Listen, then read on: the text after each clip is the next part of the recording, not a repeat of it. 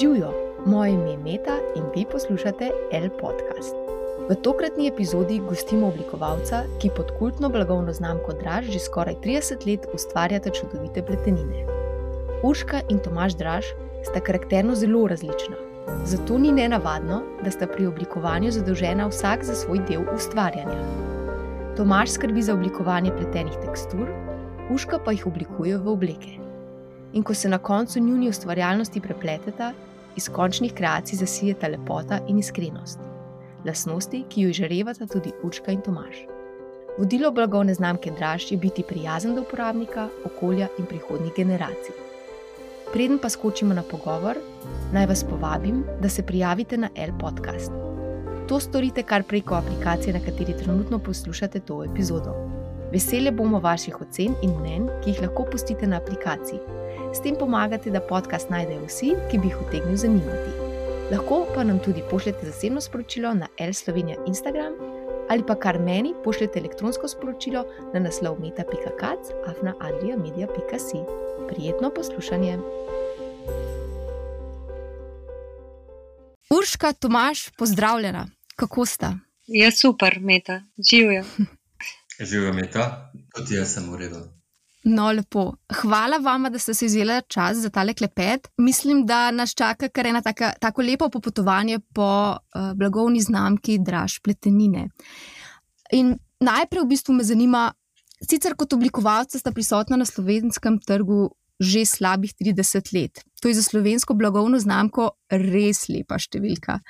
Pa vseeno, za vse tiste, ki morda ne poznajo vajne zgodbe, Kdaj si začela vajna skupna oblikovalska pot? Kako so bili videti ti vajni prvi koraki? Ja, jaz uh, bom odgovoril na to vprašanje, zato ker sem se pridružil zadnji. Blagovno znamko uh, sta začeli uh, mama in Urša z pletenjem, uh, ročnim pletenjem in potem pletenjem z uh, hišnim pletilnim strojem. Uh, Jaz pa sem bil takrat študent elektrotehnike in sem se jim pridružil tako, da so mi dale zadelati patente za poloverje. In s tem sem si prislužil študentsko žepnino. Potem sem jih opazoval pri delu, in uh, bližal se je rojstni dan moje punce, in sem se odločil, da ji pa jaz naredim polover. In tako se je začela v bistvu moja oblikovalska pot. No, zanimivo. To je že nekaj novega, tega nisem vedela. Ja. Ja, sej, jaz pa tako, kot je Tomu rekel, ne, da smo z mamo začeli in jaz bi rekel, da sem začela s petimi leti. Da sem takrat začela šivati, plest, uh, eksperimentirati in da sem imela to srečo, da je mami bila dost uh, odprta in dovzetna za to, da nas ni omejevala in da nam je recimo šivalni stroj pustila, da si šivo kar v tistih časih, ko smo mi gor rasela, ne, to je bilo res 40 let, pa 45 nazaj, je bil šivalni stroj ena taka dobrina, ki si jo nisi glih najlažje kupil. In uh, če so ti starši dovolili, da si ti šivo na šivalni stroj, je bilo že veliko, da nisi kaj polomil, da nisi kaj uničil. In um, to, da sem sploh lahko začela šivati in da me je tudi ona marsikaj pokazala, vodila in tudi imela sem teto, njeno sestro, teto Jano, ki je bila tudi čivilja in tudi ona mi je doskrat kaj pokazala. In ko nekako rasteš v takem okolju in posrkaš vse, kar gledaš okrog sebe, vase, uh, in začneš rezati blago, stare obleke, rekalce. Uh, vem, da smo z mami šli in nakupili res poceni, poceni blago, tako če bi zdaj rekel, da si si kupil za 5 evrov meter blaga in probati in se učiti samo od sebe na blagu, na krojih, eksperimentirati, plesti na roke, popravljati stvari, tleti, tleti um, da življenje veliko možnosti, da se razvijaš. To so res čista pravi začetki. Vse ostalo, kar je pa pol sledilo, uh, je bilo pa same nadgradnje tega in to, da si si zaupal, da si upal, da si. Uh, da si vedel, da boš nekako obleko skupaj spravil, tako je treba. No? In eh, vem, da so prvi moji začetki bili taki, ne samo v, v smislu pletenja, ampak tudi čivanja, da smo imeli v osnovni šoli, recimo tam v sedmem, osmem razredu, uh, o petih popoldan, o petkih ples enkrat na mesec. In za ta ples sem si jaz naredila obleko. Prišla sem iz šole, razrezala blago, na hitro skupaj sestavila in tista obleka je bila primerna samo za tisti ples, ker ni bila kvalitetna zaščita, ampak tle sem se jaz v bistvu pilila skozi uh, oblikovanje. Vse ostalo je bilo pa pol naprej. No, lepo, lepo. Ja. Ampak od samega začetka dejansko niste si že želela oblikovati pod eno blagovno znamko. Skupaj sta nekako prišla čisto po naključju. Sta potem, ko sta prišla skupaj, pa Tomaš, ko si se ti pridružil, sta si želela skupaj to graditi še naprej, ali je na začetku to bilo študentska žepnina kar nekaj časa? Hmm. Pa jaz v bistvu uh, se sploh ne spomnim, da bi, bilo, da bi mi dva razmišljala o kakšnih drugih poteh.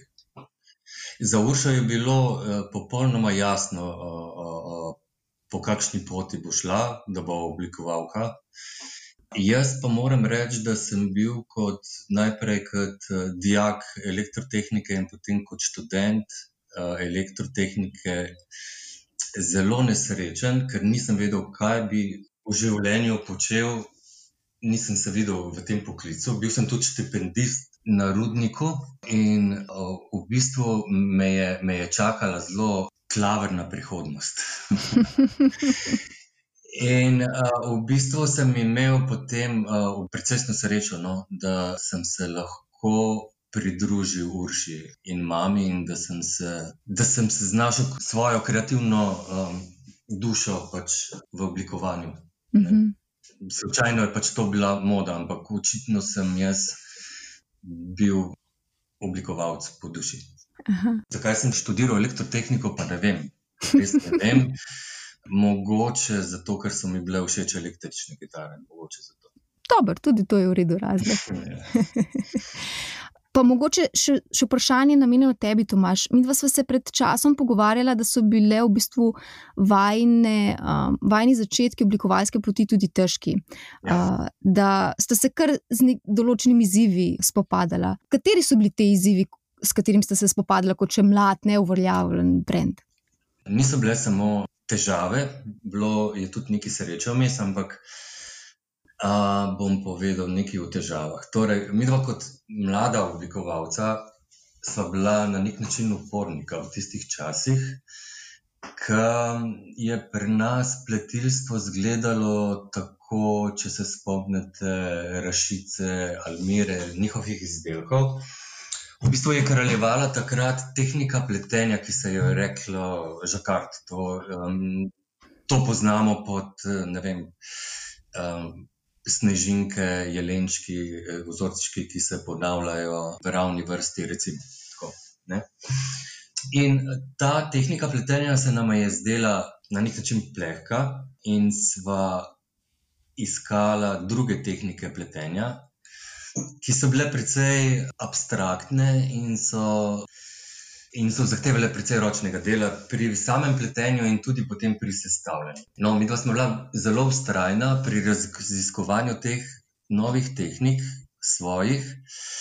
In uh, moram reči, da je trajalo kar nekaj časa, preden smo mi do res izoblikovali svoj prepoznavni slog. In ta najslog, spomnim se ene kolekcije, ki je bila v medijih. Uh, zelo in tudi tam na prizorišču, uh, to so bile še modne jane, uh, revije, lepo sprejeta, ampak pri nama v trgovini, v izložbi, so ljudje prihajali, nekateri so se nam smejali, nekateri so se jezili.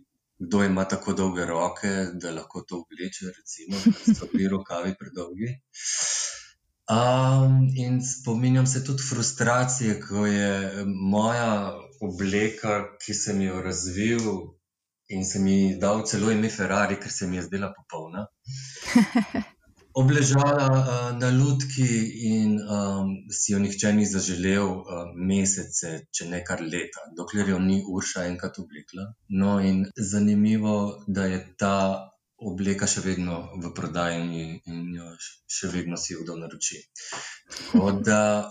Sem hotela dodati, da sem bila takrat noseča in da se je potem ta obleka pojavila na plakatu za mobitel pod sloganom Eden je premalo. ko so uvedli uh -huh. uh, številko 041 in 051 takrat. Uh, takrat je to bilo uh, še pod. Uh, 031. Ja, pod blagovno znamko Mobitela. Uh, in je v bistvu prednost te obleke, da je res delana v spirali in da se lahko po telesu zelo, zelo, zelo lepo razteguje, ne glede na to, ali imaš ti 20 ali 30 kg več, kot v osnovi. In je ta spirala v bistvu, nekaj gre tako po telesu, po diagonali, gre ta šiv, uh, da se lepo razteguje tudi med nosečnostjo.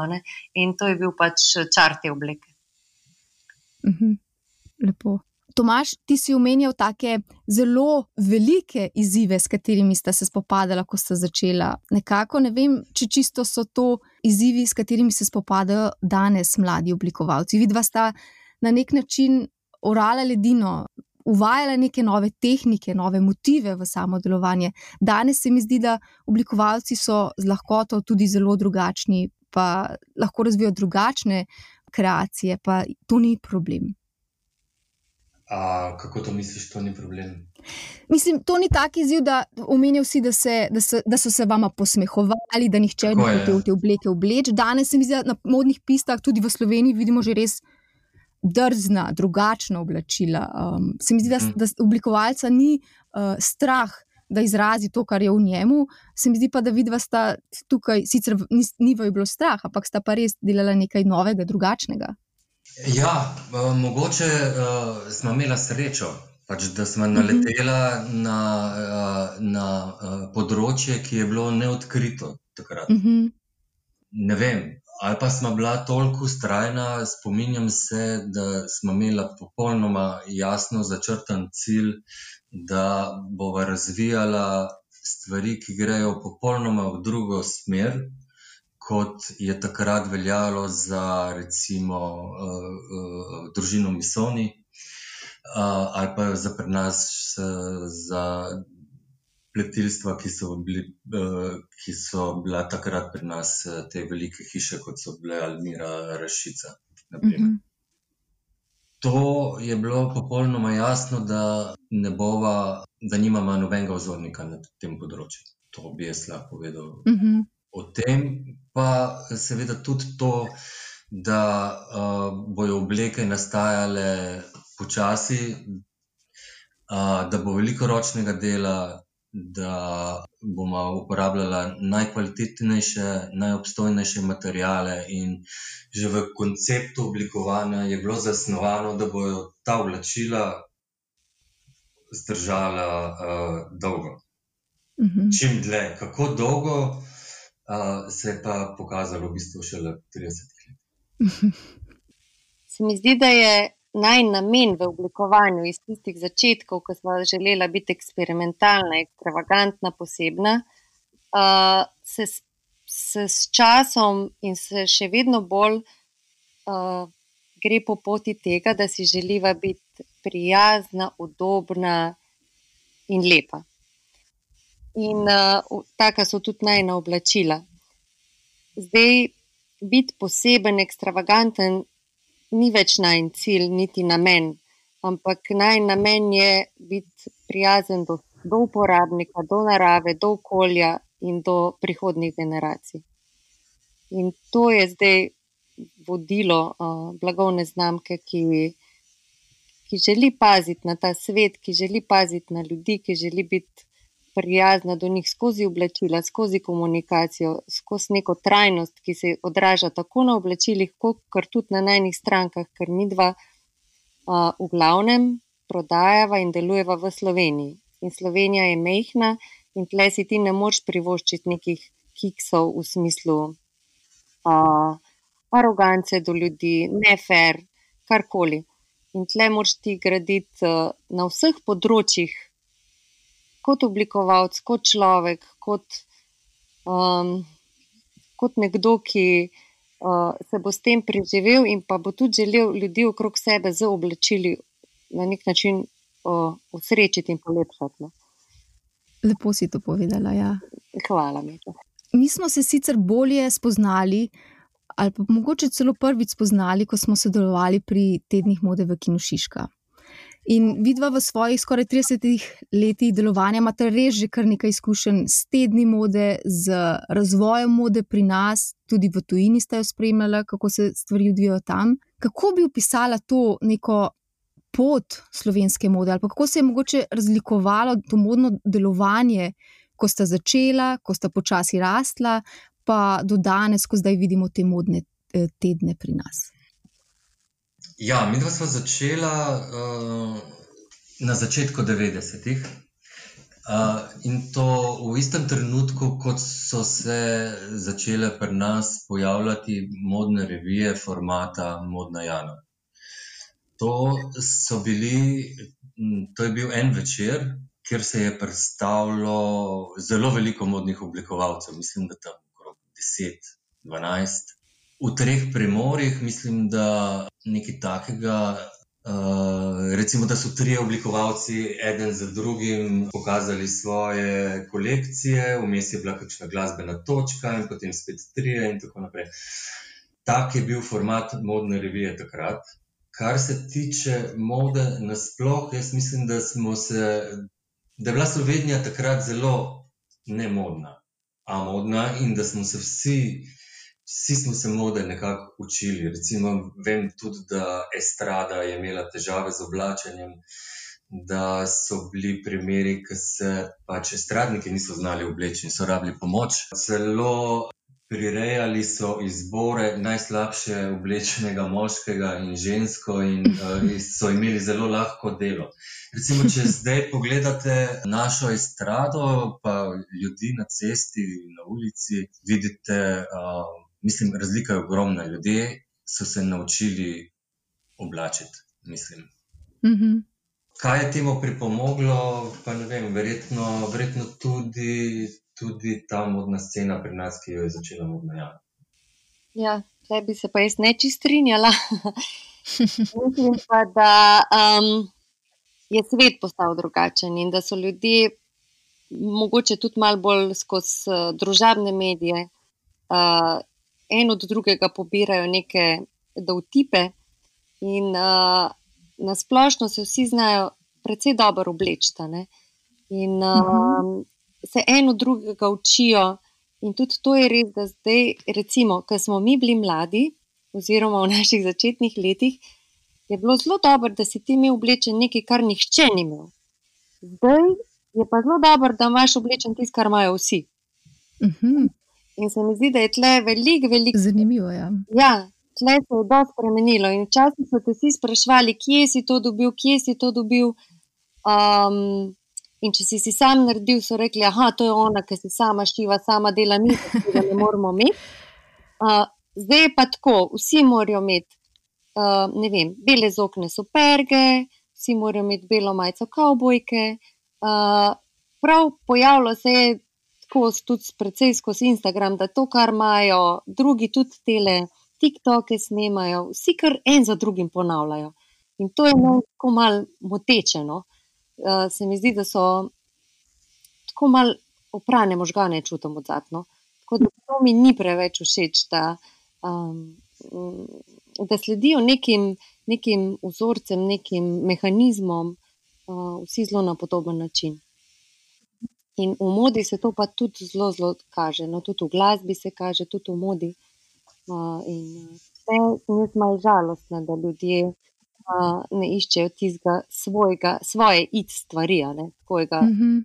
um, zato sem zelo, zelo vesela, če v bistvu je kdo sicer lepo, ampak čist po svoje oblečen, ker ljudje rečejo, da to pa nisem čist prepričan, če mi je všeč. In lih to je meni všeč, da so ljudje malo bolj svoje. In to pa jaz le malo pogrešam. No? Uh -huh. Da ne uh -huh. Ja. Pa v bistvu se mi zdi, da se lahko tukaj dotaknemo tega vajnega pristopa, ko močno pri svojih kreacijah uporabljate tehnologijo, nove tehnologije, pri, pri, ki prihajajo, neprestano se mi zdi, da spremljate. Tomaš, mogoče si tukaj ti bolj tisti, ki je na tem področju aktiven. Sama sta vedno nekako, se mi zdi, zdaj, ko boljše poznam vajno zgodbo, bila naklonjena raziskovanju novih pristopov, novih tehnik. Nista želela biti takšna kot so drugi. Želela sta um, raziskovati, pa tudi, če morda kdaj zaradi tega, ker ne gre tako, kot si želita. kako so te nove tehnologije, pa uh, novi tehnološki pristopi vplivali na vajno stvarjenje, ne samo na pletenje, mislim tudi mogoče na končne kreacije, na to, kako razmišljate sploh o kreiranju. Z novo tehnologijo smo se srečali spet po nekem naključju. Že prej sem omenil, da na začetku svoje kariere uh, sva se izogibala, izogibala tehniki pletenemu žakardu, ker se nam je zdel plehek. V bistvu pa sva začela, sva naletela na izziv in sva hotela narediti pletene portrete. In v tej tehniki pač ne gre drugače, kot da uporabiš tehniko žakarda. Uh -huh. In s temi kosi pletenih portretov smo raz, začeli razmišljati, ali obstaja možnost, da mi dva uh, žakard narediva kot zanimiv in plemenit v tehničnem smislu. Uh -huh. Zelo dolgo smo razmišljali, kaj naj bi bil, kje naj bi bila inspiracija in kako to narediti, da bi res gledalo v redu. In marsikaj smo probali, in veliko je bilo na začetku razočaranja. Ker uh -huh. ni in ni šlo naprej, dokler uh, nismo prišli na idejo, da bi fotografirala neobstojne pletene teksture, se pravi, tisto, kar je nama bilo najbolj všeč, kar se uh mhm. -huh. razpara, kar pade po tleh, kar enostavno ne moreš obleči, ker razpade. Ampak uh mhm. -huh. tam nekje na mir, na, na, na platnu, recimo, je pa to uh, zelo estetsko. Recimo, podobno, s podobnim izzivom se srečujejo slikari, ker jim je najbolj všeč pa govorimo o modernih abstraktnih slikarjih. Najbolj so jim všeč vrata, pa kljuke, ker je to pa popolna abstrakcija, ker ti se pa. To je na ključje. No, in ta eh, na ključna razpadajoča pletiva smo mi dva fotografirala in jih spletla v, uh, v tehniki žokart. In no, to je izgledalo pa v redu. tehnologija, tehnologija sama po sebi je pa zelo preprosta in ravno v tem času, ko smo se mi dva s tem izzivom spopadala, uh, so pač se pojavili mobilni telefoni, v bistvu si lahko vse, vse te zanimive motive uh, pobiral iz življenja v službi na tleh. Pač telefon si imel vedno pri sebi, tako da so eh, s telefonom nastajali eh, vsi ti vzorci. Hkrati pa so postala urodja za obdelavo fotografij zelo um, napredvala, in uh, pač mm -hmm. vsi smo se srečali s tem, ker pač je fotografija nekako drla v naše življenje in pač na ključe, na ključe spet je uh, uh, hotelo, da je pletena tekstura v žlahti, v sorodu z digitalno fotografijo. Namreč en piksel je ena zanka in je ustvarjeno z pleteninami, je pač digitalna fotografija, tako rekoč pisana na kožo. Uh -huh. uh, no, in tako se je začelo potem. Kar je pa največji plus, ne, seveda smo mi dva delala kolekcije na podlagi svojih fotografij, je pa sodelovanje ker vsi imamo, delamo s fotografijami, vse vrste znanosti, umetnikov in tako naprej. In na tem to digitalna fotografija je pač postala stičišče, možnost sodelovanja z ostalimi umetniki. In uh, potem se je zvrstilo veliko zanimivih sodelovanj. Uh mhm. -huh v kolekcijah tam po letu 2010. Ja, se skrbim spomnim še teh kolekcij. Ja, Urška, si hotel tukaj še kaj dodati? To je, ja, da je, so pletenine postale mogoče rahlo bolj enostavne, da je bilo malko, manjko lažiranja. Da, da je tudi, kar se krojev tiče, so nove tehnike pletenja prinesle do najo nove stvari, tudi kar se vzorcev tiče, ker namreč jaz zelo težko vnaprej določim, kako bo kroj oblačila, ker še le, ko mi to imaš, prenese um, pletenino. Jaz vidim potem, uh, kak kroj bo najbolj pasil na vzorec in tehniko in teksturo same pletenine. In tle se vedno prilagajajo en drugemu. V bistvu so nekem, je včasih uh, bilo več uh, kolažev in, in razmišljanje, kako pletin, pletenino narediti zanimivo tudi skozi kolaž. S tem, ko se, so se pa pojavile te nove pletenine, ko se je začelo uh, fotografije plesti in se je tle dobil tudi um, neke dro, druge izrazne možnosti, kar se krojev tiče, ker, ker to imaš, meni pa ne se pletenino, na kateri je določeno vzorce, določene debeline, določenih materijalov, potem jaz vidim, kaj iz te pletenine bi bilo najlepše narediti. In to se vedno dela uh, v nekem, mi dva se v nekem sožitju en z drugim. On ne se pletenino, jaz vidim, kaj bo iz tega lepo nastalo. Kadar delamo, seveda, nove kolekcije, kadar delamo pa stvari po naročilu, se pa vnaprej zmeniva približno, kaj si gospa želi kako bo ona to obleko mogoče največkrat uporabljala, tudi če gre to za poročno obleko, vedno gledava, da kad delava, da tudi poročna obleka recimo se po poroki lahko skrajša, pobarva, spremeni. V bistvu vsako obleko, kad delava, je končen cilj, končen namen je ta, da je obleka čim večkrat oblečena, da, je, da obleka ni žalostna v omari, zapuščena, osamljena, ampak da je v uporabi, v nekem toku in to je končni namen vsega tega najnega ustvarjanja je pa ta. Mm -hmm. Če postiva vse tehnike, tehnologije, vse za tem, je pa bistvo vsega tega pa to, da je obleka čim večkrat uporabljena. In mava stranke, ki tudi prnesejo, pa rečejo, gledaj, tole obleko pa nisem največkrat uporabljala, kaj bi se dal narediti in prnesi pogledava skupaj, mogoče da je kroj več ne odgovarja, da se je, ne vem, z leti shujšala, zredila, spremenila, karkoli, da se je okus spremenil. In tle se potem tudi stare obleke še potem popravljajo, spreminjajo. Stare so pa lahko od dve leti do 30 let, recimo. Ne. Tako da um, tle vse, v bistvu vsega tega, kar zdaj le govorimo, ne, uh, je od zadnji trajnost, odnos do oblačila, da se ga veliko nosi, veliko uporablja, da se ga ne zavrže in da nam je oblačilo prijatelj. Uh mhm. -huh. Pri vama imamo v bistvu občutek, da vedno z neko zdravo mero združujete tradicionalen pristop k življenju, oblikovanju, hkrati pač. Pa sta odprta za te inovacije, nove tehnologije in rast, smo, o kateri smo govorili zdaj. Urška, ti si se zdaj v bistvu dotaknila tega tradicionalnega pristopa ali pa mogoče trajnostnega pristopa in k oblačilom in k življenju. Hkrati se mi pa zdi, da v bistvu ta vajen pristop nagovarja tudi, da dajmo živeti življenje, pač oblečemo tisto obliko, ki nam je najbolj pri srcu in jo nosimo, nosimo, nosimo. Ali mislite, da je ravno ta pristop pri vajnem delovanju tisto, zaradi česar sta po 30 letih ena močnejših blagovnih znamk pri nas? Jaz mislim, da je to v najni naravi da smo izjemno natančna, ustrajna in da imamo ta, ta nek nagon po, po raziskovanju in spreminjanju in ustvarjanju novega. Mhm.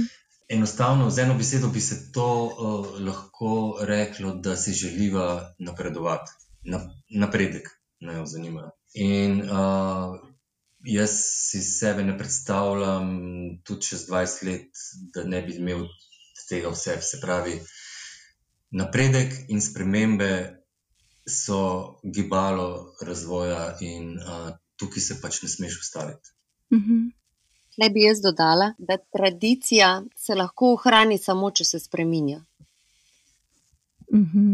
Vse, vse tradicionalne tehnike, tradicionalne stvari moramo vedeti, da so v prejšnjih časih, prejšnjih letih, prejšnjih desetletjih, desetletjih ali stoletjih vzele veliko več časa, kot jih lahko zdaj vzamejo, zato da se ti lahko uh, še tržno, pač, uh, da se pokrivajo. Ne? Zato v bistvu um, neke tradicije se morajo poenostaviti, spremeniti, ampak hkrati jih pa začutimo kot tradicionalne. In skozi to potem lahko mi um, gledamo. Zaradi tega, ker v končni fazi, glede na to, da imaš ti svoje podjetje, imaš tle v zadnji tudi neko računico, kaj si lahko privošiš, da boš še ohranil kvaliteto v materijalih, v izdelavi, v tradiciji in da boš cenovno še prišel skozi čez vse te parametre, uh, da ne boš propadel. Ne? Mm -hmm. Tako da tega vidika se je treba tudi dotakniti, zaradi tega, ker uh, ni oblikovanje samo tralala, super bomo ja. oblikovali. ti moraš sebe, prostore, materijale, delavce, ki jih zaposluješ, tudi plačati. Uh -huh. Vse to sešteto, mora nekako delovati. Uh mhm, -huh. Absolutno. Ja, tako da tle, tle se vsi bomo zdaj, po mojem, um, pač soočali tudi s temi izzivi, ki nam jih je tudi ta doba prinesla, doba koronavirusa, doba uh mhm. -huh. podnebnih sprememb, doba, doba odnosa, odnosa do ljudi, do narave in tle. Uh, tle bomo mogli tudi vsi oblikovalci veliko narediti, da bomo uh, uh, prijazni. Uh -huh. Uh -huh. Se strinjam. Ja. Ja. Tle, tle smo postavljeni pred neke nove izzive. Ja. Mislim, da ja. svet kot tak. Tako, ja. tako. Res je. Uh, in tle se mi zdi, da delati oblačila za smeti ne bo več šlo. Delati skulpture, ki so, uh, ne vem, vsaj skozi moje oči, moda je umetnost, ampak je uporabna umetnost lahko. Ne? In uh, moda more, njen namen je oblačiti ljudi. Mhm. Res je. In tako je. Ja. Vzdrževanje oblačil, ne vem, mi dva zelo gledava, da se vsa oblačila lahko operejo doma ali na roke ali v stroju, da ni tle kemičnega čiščenja, da je um, oblačilo easy to handle. No? Uh -huh. Uh -huh. In to je tudi zelo, zelo, zelo pomembno. In da tudi oblačila, ki se lahko ne vem, koliko krat operejo, da je potem še vedno material, uh, zgleda praktično kot nov. Uh -huh. In tle pa mi dva res, res veliko paziva, kako materijale uh, kupujeva, kako jih mešava, kaj iz tega potem narediva, da je oblačilo uh, več desetletij praktično um, izgleda kot novo no, material. Uh, tle smo pa mi dva postavljena pred izzive, ker tudi uh, tovarne, ki izdelujejo materijale, se spreminjajo, sledijo trgom, in tudi materiali niso vedno več to, kar so bili, in moramo skozi paziti, kaj kupujemo, da smo na nivoju. No.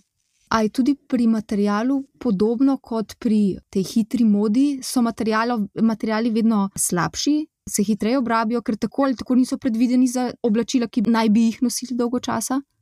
Ja, sam um, Se pa najde še vedno so tovarne, predvsem italijani zelo, zelo dobro delajo. In, uh, to so seveda dražji materiali, uh, ki si ne moš pol prvoši, da boš dal tako ceno, kot jo dajo te v hitri modi za pletenino, ampak material je res kvaliteten in res drži čas.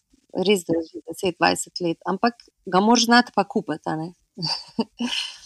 Tako podobno, kot moraš tudi dobre banane znati kupiti, pa dobre pomaranče, pa dober krompir. Ni vse v redu. No. Tle isto je pa par materijalih. No. Uh mhm. -huh. Tomaš, ti si želel še nekaj dodati? Hotel sem reči, da ni nobenih težav eh, v teh časih uh, dobiti res kvaliteten material. Da mhm. je ta izbira je, uh, je velika, seveda se pa mi dva tukaj. Na nek način eh, spopadava s težavo, ki se ji reče količina. Ne. Mi dva enostavno ne moreva, glede na najno proizvodnjo, kupovati enega materijala v isti barvi, v isti količini, ki, se, ki ga zahteva proizvajalec. Tako da tukaj pač prihaja do nekih kompromisov in iščeva pač neke svoje poti. Ampak uh, uspevava dobivati, uh, imamo dobre materijale. No. To hočem povedati, ni, ni problem. Uh mhm. -huh. Uška, ti si se v bistvu malo dotaknila v prejšnjem odgovoru trenutne situacije, ne, v kateri smo se pač vsi znašli. Um, kako ste se pa vidva spopadla s temi prvimi šoki, ali pa mogoče predvsem kako zdaj, ko smo nekako našli recimo, da ritem v tej novi uh, normalnosti, novi realnosti, kakšne imata um, plane, načrte za naprej, za prihajajoče mesece, prihajajoča leta? Planov ni. Ampak, uh, ker se je to zelo dobro pokazalo v tej situaciji, da če si ti ne vem, kaj planiral, si v tej situaciji, ki je prišel koronavirus, mogel vse spremeniti, vse podreti in postaviti na drugačen način.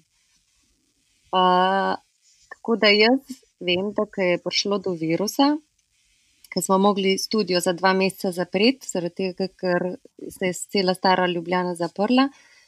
Uh, punce niso tudi uh, želele se izpostavljati v smislu v delovnem krogu. In sem jaz bila zelo vesela teh trenutkov, ko sem prišla sama v studio in bila sama s sabo in delala. In seveda prva stvar, ko sem jo začela delati, so bile maske.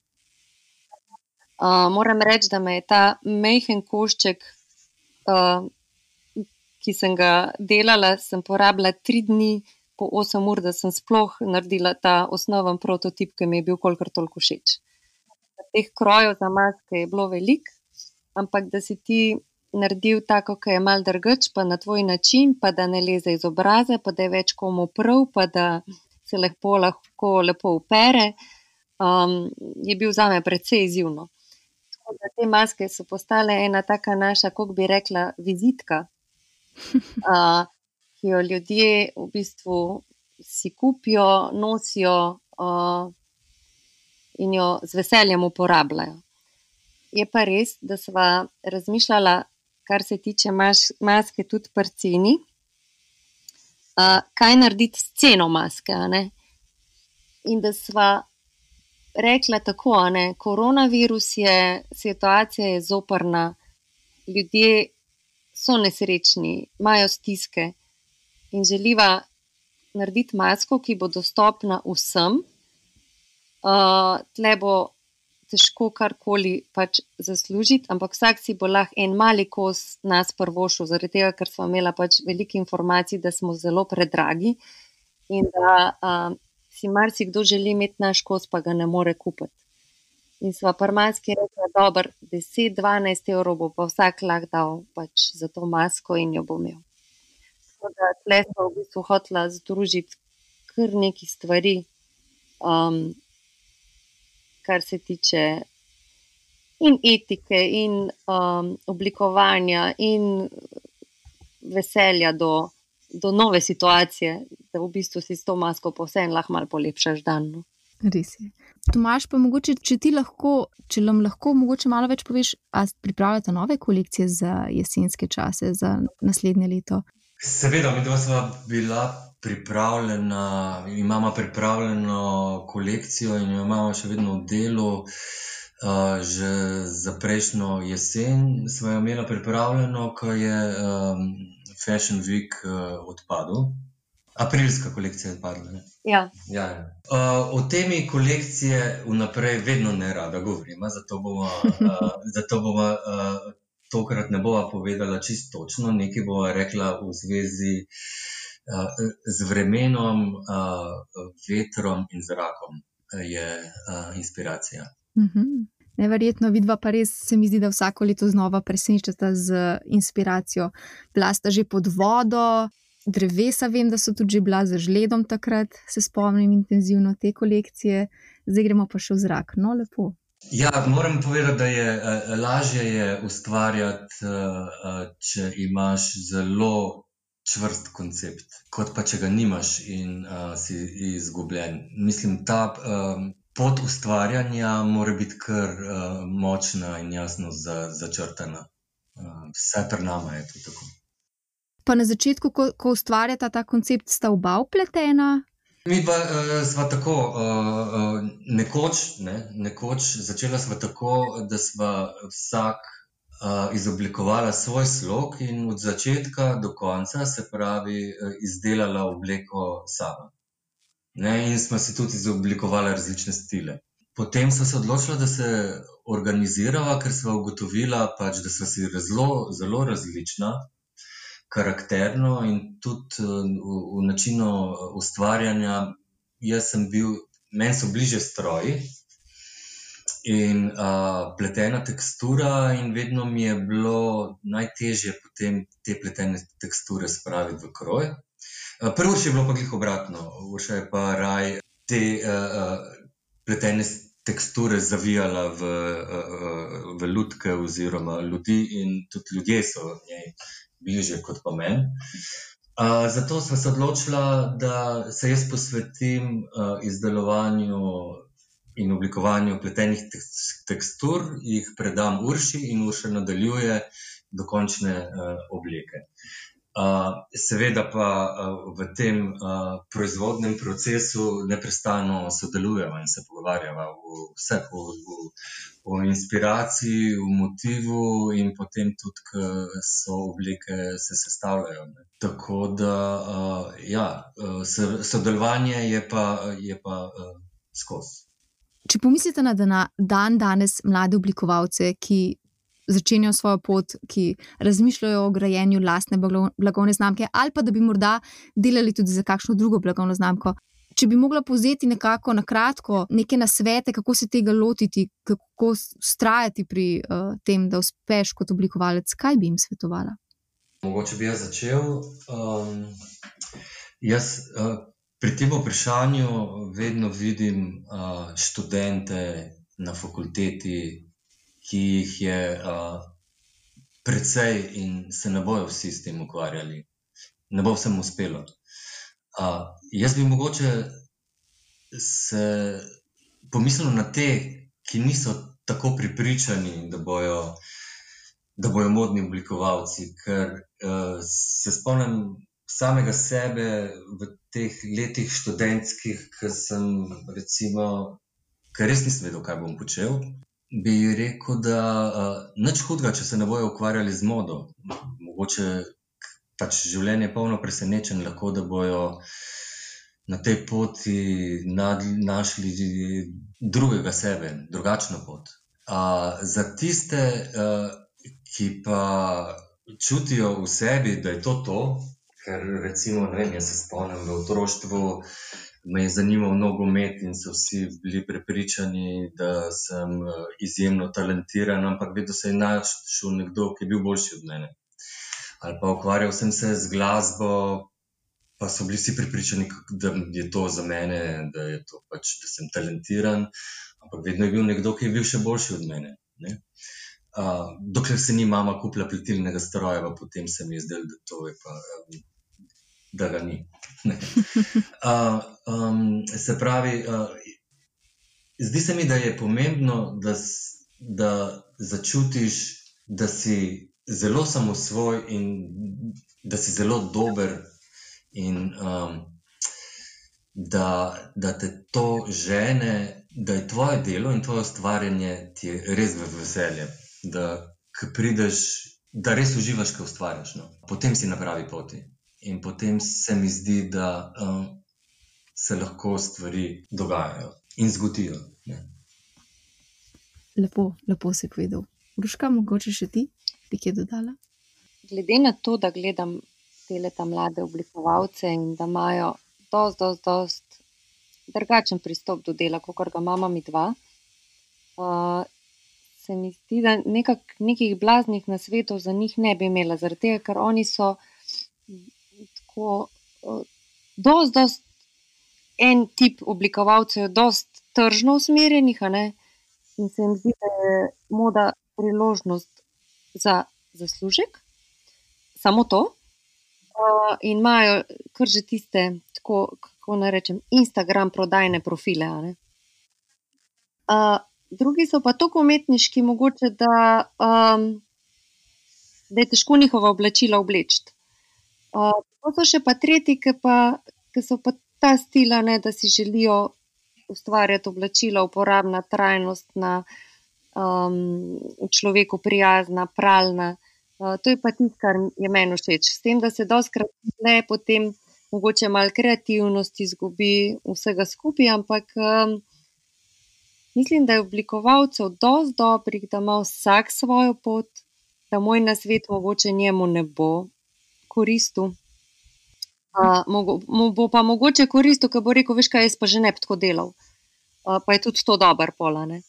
Um, tako da, kar, kar sem jaz z leti se naučila uh, v življenju, privat in na splošno, pa sem zelo tipka rada daj na svete, da je mogoče bolj, da jih ne.